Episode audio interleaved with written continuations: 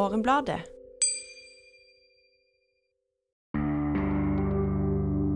Så, så det er jo en, en, problemstilling fordi film i så stor grad, øh, og, og, særlig storfilmer, er så stor grad bygd opp rundt vold.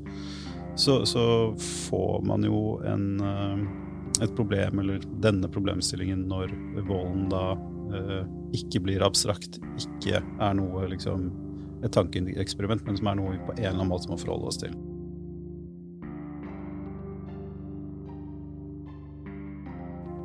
Velkommen til Morgenbladets film- og TV-seriepodkast. Jeg heter Ulrik Eriksen og er filmkritiker i Morgenbladet. Og med meg i studio har jeg kulturjournalist Elise Dybvik. Hallo. Og TV-kritiker Aksel Kielland. Hallo. En uke etter invasjonen av Ukraina kom nyheten. Produsenten av Kampen om Narvik utsetter filmen nok en gang. Der filmens planlagte premiere tidligere har vært holdt tilbake pga. pandemien, var det denne gangen, ironisk nok, en krig som stanset filmen. I tillegg har vi nettopp fått vite at NRKs satireserie om andre verdenskrig, Gutta på skauen, utsettes til høsten. Vi hadde planlagt å snakke om kampen om Narvik denne uken, men i motsetning til filmens produsenter så utsetter vi ikke. Avlysningen er derimot en anledning, kanskje, til å diskutere krigsfilmers problematiske posisjon. Er det greit at de lages for underholdning? Er det et godt format å drive historieskriving i? Og hva bør en krigsfilm ha mål om å være, og hva bør den formidle? Først, hva tenker vi om grunnen til at de valgte å utsette kampen om Narvik, Aksel? Uh, jeg tenker vel at det er uh, to ting som kan være uh, begrunnelsen, og sikkert to ting som griper i hverandre. Uh, først er jo det at når det er så mye krig i mediebildet som det er uh, nå for tiden, så blir folk lei. Altså, når de da vil se noe annet, så vil de se noe helt annet.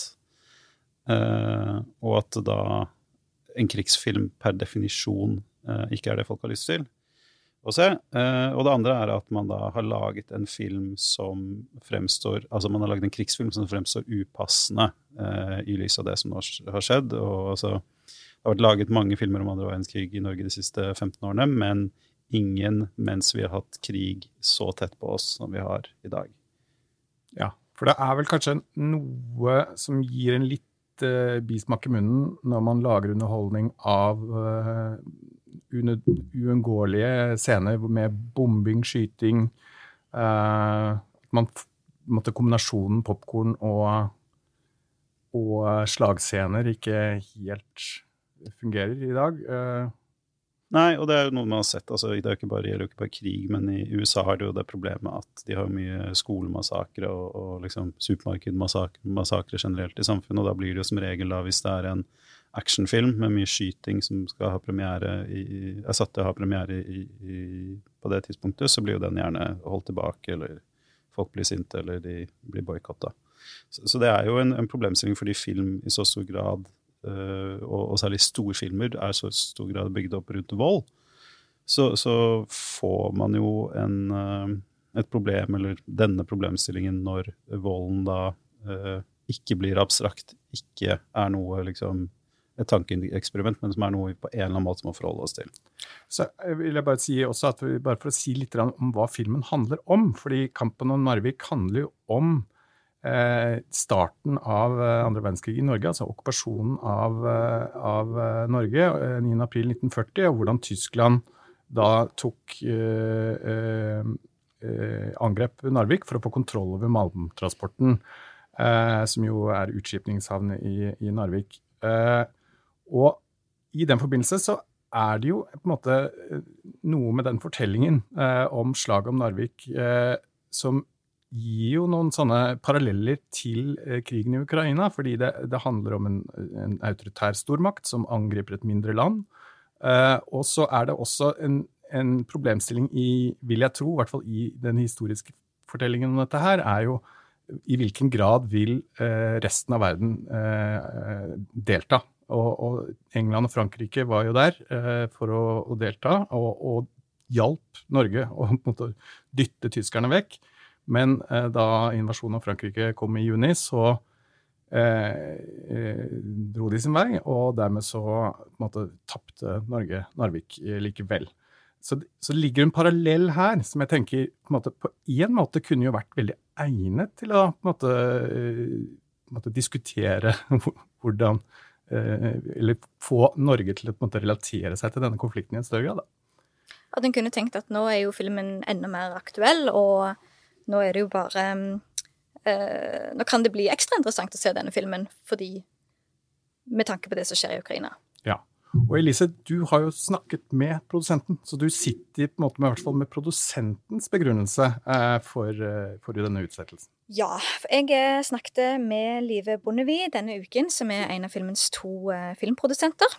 Og hun gjorde det veldig tydelig at eh, dette har vært en eh, veldig, veldig vanskelig avgjørelse. Og på en måte, hun sa når de hadde diskusjoner Det tok vel en uke fra krigen i Ukraina brøt ut, til de bestemte seg for å sette filmen på pause så, eh, så, var det sånn at hun alltid var enig med siste taler. Enten så var det liksom nå filmen måtte ut, eller så var det nå en måtte liksom sitte og vente litt til et bedre egnet tidspunkt. Og hennes eh, hovedpoeng er at denne filmen er lagd med en litt annen intensjon enn um, å bli forstått ut ifra uh, her og nå-kontekst, hvis jeg kan si det. At her, og det er jo, jeg har, føler jeg har vært et del av denne, dette filmprosjektet når jeg har lest om det òg, at en har jo gjort et veldig stort poeng ut av at nå er det ikke Oslo som eh, vi ser på krigslerretet, men det er liksom Nord-Norge. Og en litt mm, Jeg vet ikke, kan en si at det er en litt mindre kommunisert historie enn eh, disse Oslo-gutta. Si veldig. Eller omvendt. Jeg, jeg, er så ung, så jeg aner ikke. Nei, men det er jo en veldig altså, Det har jo vært veldig dominert hvert fall på film, ja. men også generelt så er jo Østlandet er jo dominert formidlingen av andre verdenskrig veldig.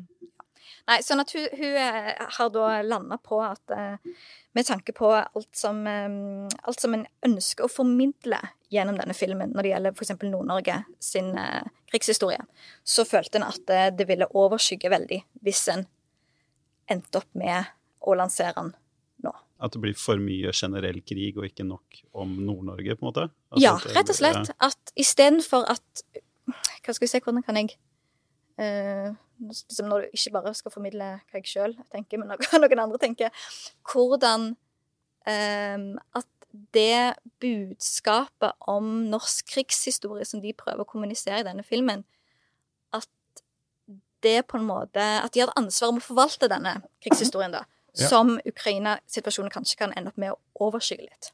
Ja, for jeg fant et sitat fra uh, før, krig, uh, før, filmen ble utsatt, uh, hvor, hun, hvor, hun, sier bl.a. at jeg tenker at kampene i og rundt Narvik, altså felttoget i Narvik, må bli en del av vår felles nasjonale bevissthet. Det er så stort, og jeg som kommer sørfra, er sjokkert over at jeg ikke har visst mer om dette, lært mer om dette på skolen og hørt mer om dette hjemme. Det er vel inn i det perspektivet kanskje det, hun tenker, da. Det tror jeg. Og så, for jeg spurte jo hun om dette òg, er det det at det er krig som er tematikken som gjør at det blir upassende, eller er det at um, Nei, her, her framstiller vi krig på en litt suspekt måte, og derfor på en måte vil det skurre. Um, men i følgehus er det liksom at i den akutte situasjonen som på en måte det krigsutbruddet i Ukraina var, så var han da redd for at um, Hva skulle jeg si At den, den, plassen han har lyst til å gi til denne norske krigshistorien, ikke vil bli gitt, da, med tanke på nyhetsbildet. Er, er, det noe gnient over det? Jeg føler at det går litt inn i en sånn historie som også går igjen her. fordi at alle i Norge skal på en måte få sin krigsfilm. Oslo skal få sin krigsfilm. Elverum skal få sin krigsfilm. Tromsø. Og nå, skal, nå er det Narvik sin tur, og da må på en måte ikke Ukraina komme i veien for det. Nei, og der er vi jo kanskje ved Eh, det den viktigste eh, kritikken mot de, disse 15 årene med norske filmer og serier om andre verdenskrig handler om, da er jo at dette først og fremst, vil jeg hevde, er en forretningsmodell som fungerer. Altså det er I Norge så kan vi ikke lage actionfilmer, science fiction-filmer som, som, det de lager i USA, de største filmene der. Det gir, altså det er én ting at vi ikke prøver å ha noen tradisjon for det, men det er også at hvis noen skulle legge 100 millioner i en, i en eh, norsk sci-fi-film, så tror jeg det vil skurre litt, for vi er liksom ikke vant til å se Vi får den der vanlige sånn der, um, flauheten ved å høre norske språk i, i uvante sammenhenger og sånn. Mens andre verdenskrig så har vi, vi har historie å bygge på. Vi har sanne hendelser. Du har den der forbindelse til virkeligheten som trekker folk. Du har den der ideen om historieformidling som gjør at du kan fremstille det som, som, som undervisning. Du kan liksom eh, busse skoler inn på kinoene. Du kan skape en slags sånn eh, idé om at det er en, en slags uh, plikt å se filmene for å, for å, holde, for å holde seg oppdatert og, og holde historien i live. Og innenfor disse så går det da an å kjøre på med de store følelsene, de store dataeffektene. Liksom spenning, kjærlighet, død, action, alt mulig. Og det er påfallende at det er ingen norske filmskapere som har noe å si om andre verdenskrig som passer i en lavbudsjettsfilm. Eh, det er veldig sjeldent. Og det bør være liksom et eh, Det bør farge hvordan vi ser og forstår disse filmene. Fordi NFI har også uttalt, og det, jeg tenker at dette er en del av et stort apparat. det er jo liksom, altså Én ting er produsentene, men også NFI har en rolle her. og De uttalte i forkant av, uh, av uh, Da de ga penger til uh, denne filmen, så uttalte de at vi har en sterk tro på at kinopublikummet fortsatt er sultne på historier mm. fra denne definerende perioden i vår historie. Uh, så det ligger jo her liksom, altså den der tanken om at det ligger et begjær der ute, et, et virkelig et sånt kommersielt begjær, da, uh, tenker jeg, uh, som også som, og da, da, har du det som vi har sagt, vi har vært litt inn på det før, men det er ideen om det som liksom det grå gullet. Altså legionene av pensjonister som må mobiliseres for å få en liksom, virkelig norsk megahit du, du, må enten aktivisere pensjonistene eller uh, de små barna. Uh, og, og, eller den oppvoksende generasjonen. Ja, men liksom det skal helst altså det må være, For å få en virkelig stor norsk megahit, så må du få de som ikke går på kino til vanlig. Og, og, og, andre verdenskrig hadde vært liksom som en felles referanse, en, en, en skjellsettende opplevelse i mange menneskers liv, så har det vært en måte å mobilisere den delen av publikum på. Og så begynner de å dø ut etter hvert.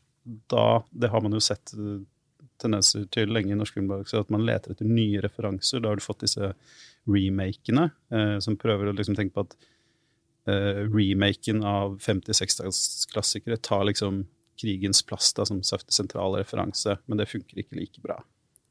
Så det er krigen vi må tilbake til hvis en virkelig skal Altså På en eller annen tidspunkt så må man jo slutte, da. Eh, eller, man må, eller man må liksom raffinere det på en eller annen måte. Og man, det fins jo, jo, mange typer krigsfilm. Um, og norsk, eh, norske, disse, disse, filmene vi snakker om nå, henger jo fast i den derre eh, liksom mytebyggende eh, eh, krigsfilmen som, som, de fleste andre land har lagd nok av liksom, for lenge siden, og som liksom, land, i hvert fall særlig land vi liker å sammenligne oss med i filmsammenheng, Uh, har gått bort fra de siste ti årene, ja. til fordel for mer sånn nyanserende og, og problematiserende filmer. Og så snakket jeg med, med, en norsk forsker denne uken som har begynt på et nytt prosjekt der de skal se på hva estetiske bearbeidelser av andre verdenskrig um, fører med seg. da.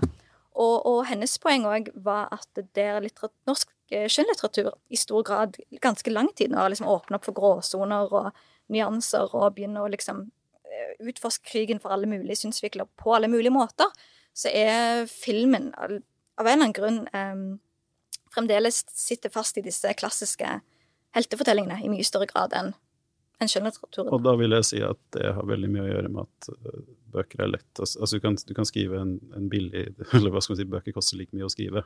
Uh. Men er det plass til gråsoner i film generelt? Ja, absolutt.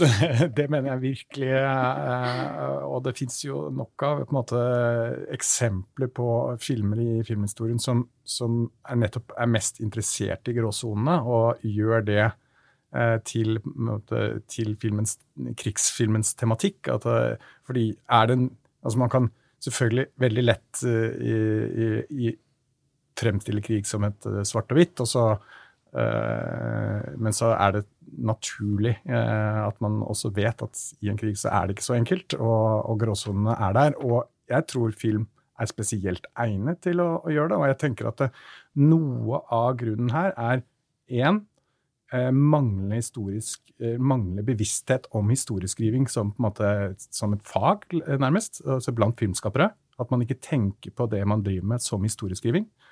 Eh, og dermed ikke har det metaperspektivet på det man driver med. Og, eh, og det andre er um, Og det andre er at uh, i andre verdenskrig er så nært knyttet til uh, nasjonsbygging i Norge. At, uh, at, vi klarer ikke å måte forholde oss til den historien uh, annet enn som en, en, en, slags oppbyggelig sak som, som skal representere hele Norge. og Derfor man, skal alle få sin krigsfilm, alle skal måte bli representert, og alt og, og, og, og du, du, får det behovet for å, å, å, skape en eller annen sånn offisiell historie som, som eh, er oppbyggelig men, eh, og, og, kan være problematiserende. Men ja, Aksel, du har ja, nei, det er også fordi at Vi må forstå, forstå liksom den norske krigsfilmen som altså Det er jo en filmindustriell nasjonsbygging også. Altså det, er, det er jo det eh, som liksom ble beviset på at uh, liksom den omleggingen av den norske filmpolitikken som fant sted første halvdel av, av første tiåret av dette århundret, var en suksess, var jo liksom Max Manus. Den er liksom Hva er det 1,2 millioner mennesker som går og ser? Altså, det er jo en, en suksess man liksom ikke, ikke, hadde, eller ikke hadde turt å håpe på, nærmest, og som man ikke har fått igjen. Eh, men Altså, rollen disse filmene har spilt i å bygge opp den og, og profesjonalisere og, og, og, kommersialisere norsk film, eh, er jo helt sentral for å forstå hvorfor man fortsetter å lage de, da. Og, hvorfor man i, så, i, bransjen har så liksom, urokkelig tro på dette, og, eh, vanskeligere kanskje for å problematisere det enn man burde. Og det jeg lurer på da, er liksom hvis en tenker på at, at film eh, gjerne visse typer film, handler jo òg i en viss grad å demonstrere de på en måte tekniske verktøyene filmskaperen har til rådighet. Da. Um, om det òg er et poeng at det at Norge begynte så seint med disse veldig litt sånn eh, heltedyrkende filmene om andre verdenskrig, at en ikke hadde teknologien til å lage de før. Så en henger liksom noen tiår etter. Så først må en gjennom den fasen der en ser Oi, vi har, uh, vi har kameraene, vi har klippeferdighetene, vi har uh, lydbildet til å liksom gjøre det som Hollywood gjorde for 20-30-40 år siden. Ja eller, ja, eller budsjettene og, og, kommersielle ambisjonene, da, ja. Eh, vil jeg si. Selv om ikke vi har sett uh, 'Kampen om Narvik', så kan det jo Og det kan jo hende den skiller seg ut fra tidligere norske krigsfilmer, som vi nå snakker litt om. Uh, men hvis vi skal gå litt videre på uh, hva, hva, vi har med å gjøre, hva, hva kjennetegner norsk krigsfilm de siste 15 årene? Uh, nei, altså, de er storslagne filmer. Uh, store budsjetter, i, i, i, hvert fall i norsk sammenheng. Uh, det er ganske enkle heltefortellinger. det er mye Altså store følelser, store fakter, store bokstaver. Og, og, som vi har vært litt inne på, det er lite rom for, for liksom tvil og, og nyansering av moral og liksom klokhet, eller hva man skal si. Altså beslutningene som ble tatt, da. Det, det er um, Det er filmer laget for det størst tenkelige publikum, og, og der er jo der er jo Det er der vi støter på dette behovet for å, for å liksom unngå å være for nyansert og, og, problematisere for mye. For at dette skal da kommuniseres til liksom Jeg vet ikke hvor, hvor ungt man tenker, men la oss si liksom sjette-sjuende klasse, da, opp til um, siste øverste kull på, på gamlehjemmet, så skal det snakke til alle. Er det ikke òg noe med at um, Når jeg ser disse filmene, så er jo filmspråket veldig likt, og en legger seg vel på en slags actionfilm ofte, med tanke mm. på Og sånn 90-talls Hollywood. Uh, ja, og en har en tendens stil. til å liksom sette mannlige, hvite helter i sentrum. Uh, og så kan en Derfor syns jeg det er rart når det kommer filmer og sier sånn Nå skal vi fortelle denne gruppens fortelling, eller denne plassen sin fortelling, så føler jeg at liksom Jo da, du bytter sted, eller du bytter hovedperson, men selve innpakningen blir jo veldig ofte den samme. Og der er det jo kritikere som, hvis en tenker hva er det krigsfilmen gjør med synet på krig, og gjør med synet på historie, så er det noe med at den der veldig kompakte, velfortalte, velsmurte kinofilmen um, glatter over og polerer alt det som i utgangspunktet er kaos og usikkerhet, rett og slett. Ja, og jeg tenker at det ligger i bunnen her også, uh, i disse norske filmene, uh, et, et, slags uh, alvor og en andektighet som, som jo er på, på, mange måter forståelig, fordi det, det, er en veldig voldsom arv. Altså, hele den norske stat er på en måte eller hele vår norske identitet er så knyttet til andre verdenskrig at, at å på en måte behandle det veldig lite respektfullt er på en måte litt sånn Det føles som å banne kirken, da.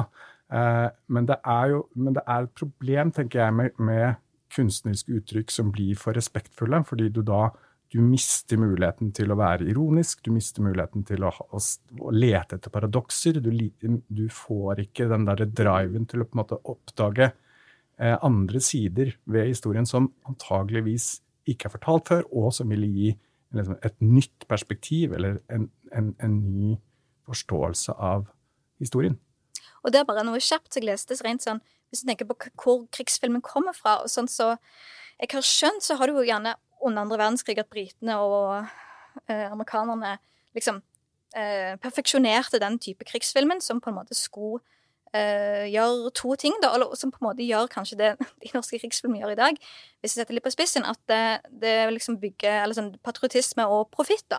At du fikk disse eventyrsfylte filmene som dro flokka folk på kino, samtidig som du bygger opp om en slags da, moral og et slags syn på at uh, denne krigen var det viktig å delta i, og det er riktig at uh, vi gjør de valgene vi gjør, på et overordna nivå. Og så setter vi ikke spørsmålstegn ved det.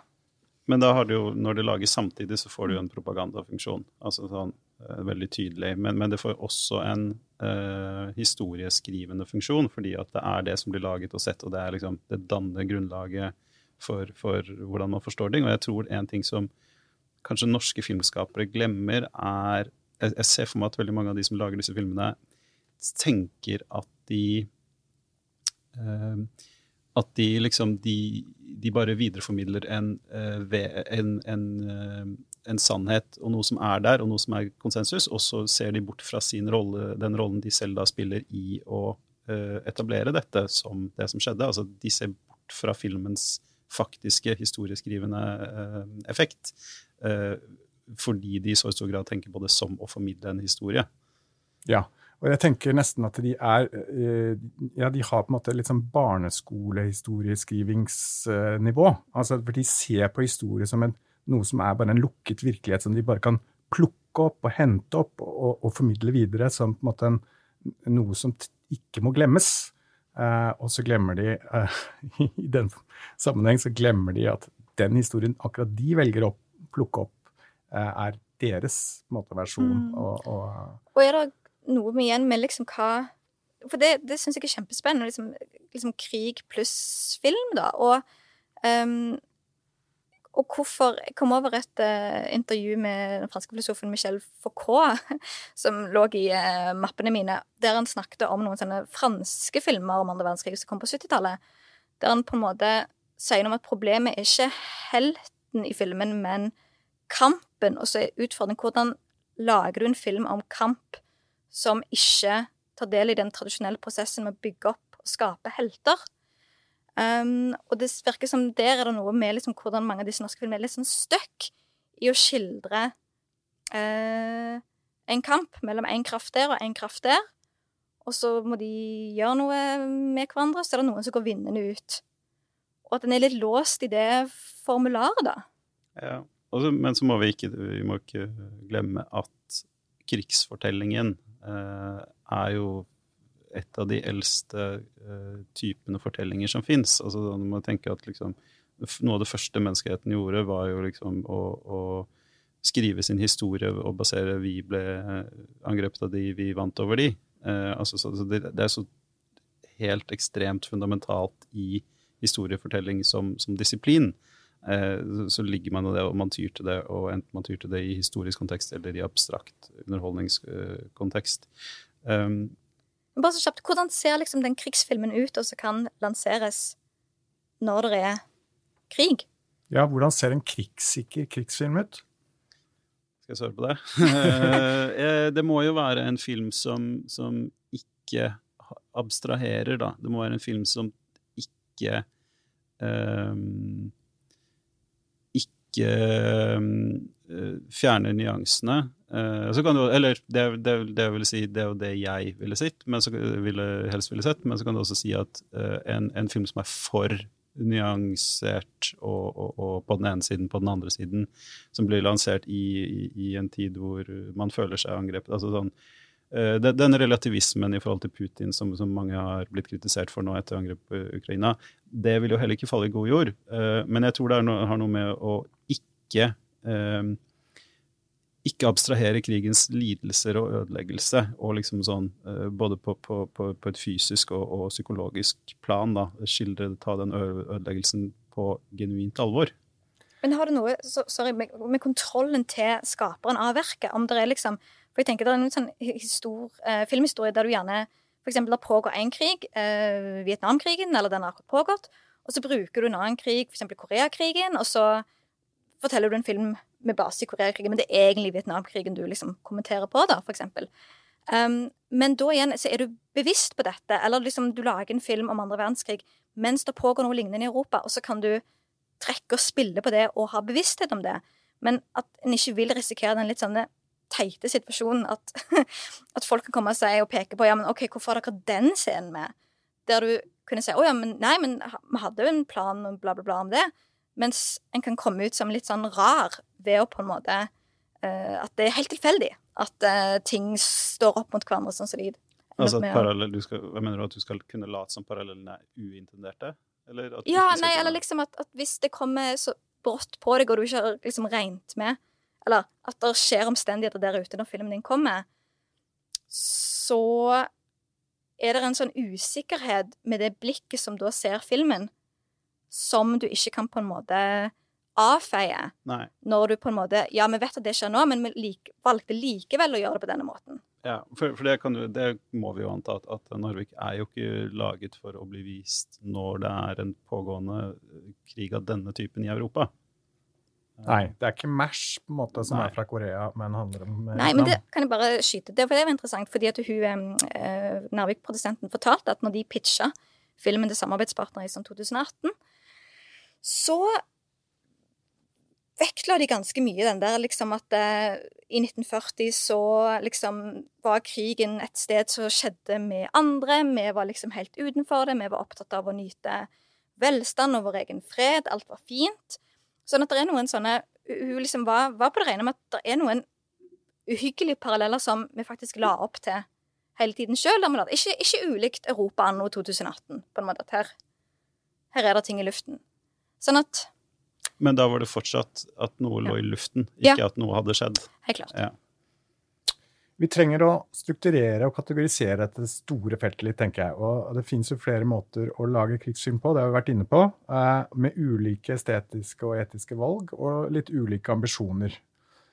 Og i Norge så har vi kanskje vært uh, opptatt av den, den, historieskrivende og mytologiserende stilen, men du går også an å satirisere og, og, være mer opptatt av det revisjonistiske og nyanserende. Og til syvende og sist også et mer sånn metaforisk uh, blikk. Har du noen tanker om uh, de ulike strategiene, Aksel? Og hvilke dører de stenger og åpner på mange de, måter? De mange av de stenger jo døren til det veldig veldig store publikummet som de norske filmene er laget for. Um, litt sånn tilfeldig så endte jeg på med å se en uh, Bob Clark-film som ble vist på Bergen Filmklubb i helga. Uh, 'Death Dream', som er en, en slags sånn um, zombiefabel om, om uh, Vietnamkrigen.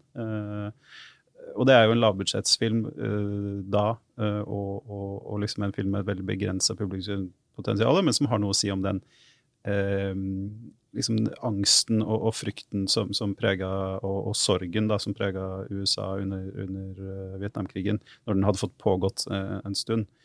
Um, men, men, det er noe med um, den, den krig, typen krigsfilm vi, vi har lagd i Norge nå de siste 15 årene, er på en måte el, det, ofte, i hvert fall, så er det basisen de andre opp, de vokser ut av. Eh, altså sånn, treng, Man trenger gjerne å produsere eh, et visst antall av disse, kanskje ikke så mange ganger som man har gjort i Norge nå, før du begynner å få disse nyanserende, uh, revisjonistiske, uh, satiriske filmene. Sånn som um, Vi har hatt en trend i forrige tiår at du fikk den der litt sånn europeiske arthouse, andre verdenskrig, jo, men alle tyskere var jo ikke liksom djevelens avkom selv. Det fantes, det fantes moralske gråsoner blant tyske soldater. Jeg husker den jeg særlig tenker på da, er den Under sanden, den der danske minerydderfilmen med, de, med de tyske soldatene. Det er jo noe som, som kommer etter man har lagd en viss mengde andre filmer, vil jeg ofte tenke. Um, ja. Det, ja. Ja. Men jeg lurer på om, om, om det, det, er det en slags naturlig evolusjon av krigsfilmen som gjør at vi må bare uh, Klage høyt nok. Ja, eller si oss fornøyd med disse helteaktige fortellingene, og så bare hvis vi venter ti år til, så, så vil det sikkert komme noe annet. Men det, jeg bare tenker igjen på For det er jo òg en, sånn, en debatt om uh, massekultur versus uh, et liksom, mer modernistisk formspråk, da. Og at ved å bruke den liksom, klassiske um, filmfortellerstilen, så vil du bare ende opp med um, å si at uh, På en måte de offisielle tingene. Mens du må liksom bryte med hvordan du setter opp en scene. Eller du må bryte med liksom uh, hva du i det hele tatt viser, eller fortellerteknikken må endres for å kunne si noe radikalt annerledes om krig, som jeg føler særlig kommer til uttrykk i uh, krigsfilmer om holocaust. Så kan man jo se om holocaustfilmer kanskje er en annen sjanger igjen enn krigsfilmen, som man nok er. Men jeg bare har et sånt sitat jeg liker veldig godt fra en forsker som heter Jay Hvis jeg finner navnet rett Hoberman, som, som igjen peker på at den klassiske filmdramaturgien har den spenningsoppbyggingen den har, der du òg gjerne lander på et litt positivt sted når filmen er over. Og i Schindlers liste så sitter en igjen med at OK, disse menneskene ble tross alt redda, og så glemmer vi litt at det var liksom millioner på millioner som ikke ble redda. Uh, og han spør da Is it possible to make a feel good entertainment about the ultimate feel bad experience of the 20th century? Som uh, ja, så går på dette at liksom Det er formen det er noe galt med, eller er det måten en bruker formen? Det tror jeg kanskje er uh, et fint siste poeng. Vi har tid til noen anbefalinger. Aksel? Ja, um jeg vil gjerne trekke fram en uh, krigsfilm som er vanskelig å få sett. Det er Radu Judes 'I Do Not Care If We Go Down In History As Barbarians'. Uh, en film som handler om en kunstner som får i oppdrag å lage et sånt, regissere et uh, spel fra et rom om Romania under andre verdenskrig. Som har da veldig press om å gjøre dette til en sånn patriotisk og, og, heltemodig affære, men som, som Eh, da går eh, aktivt til verks for å liksom løfte opp alle de skamplettene i rumensk historie om behandling av jødene og, og andre. Og det er en veldig sånn Hva skal man si? Postmoderne. eller altså, altså det, er en, det, er en, film hvor En, en ganske metafilm, da. men, men veldig, veldig, morsom og, og, og, veldig smart på mange av de mest betente problemstillingene som man har å gjøre med når man både krigsfilm og, og, og krigshistorie. Yes. Eh, da vil jeg trekke fram eh, To Be or Not To Be, en komedie eller krigssatire fra 1942 av eh, filmskaperen Ernst Lubitsch, som handler om en eh, teatertrupp i Polen som blir involvert i motstandsbevegelsen. Og eh, den er fantastisk morsom. Og den kom ut i 1942. Og så har jeg prøvd å tenke sånn Igjen lagd i Hollywood. Hva Ja, hva Det er liksom En kan jo begynne å tenke på liksom hvordan, hvordan andre historiske filmer om krig ville liksom om, om, for det, det, lurer jeg litt oppriktig på. Er liksom, har de blitt litt mer ekstrasensitive? Og dette med særlig hva funksjon latter har i, i liksom behandlingen av denne type krigstematikk. Så der tenker jeg at den filmen er en interessant film å se på. Jeg, jeg selv har den som DVD, men uh, den er sikkert på iTunes, tror jeg. Men uh, hvis ikke, klipp på YouTube tror jeg òg gjør nytten, altså. Han deler også navnet med en, en Mel Brooks-låt og en veldig bra video om Hitler og andre verdenskrig. Stemmer. Ja, for Mel Brooks lagde vel egentlig sin egen versjon av filmen òg? Ja, ja, ja, det stemmer. I, på 60-tallet. Mm. Og jeg vil, apropos 60-tallet, så vil jeg anbefale uh, The Americanization of Emily fra 1964, regissert av Arthur Hiller, men uh, kanskje mer uh, relevant, skrevet av Paddy Chajewski, som etter mine øyne i hvert fall er Hollywoods største manusforfatter. og det er, handler om, om en selverklært feig offiser eh, under andre verdenskrig. Og, og, han har noen sånne betraktninger om krig som jeg syns er veldig interessante. Som er selvfølgelig Paddy Tsjajevskijs egne ord. da. Og jeg, vet, jeg, har lyst til å komme med et sitat der, et, jeg syns det er så godt observert. Eh, der sier hovedpersonen Vi lager helter av våre døde og gjør tidligere slagfelt til helligdommer. Vi forlenger krig ved å dyrke oppofrelsene.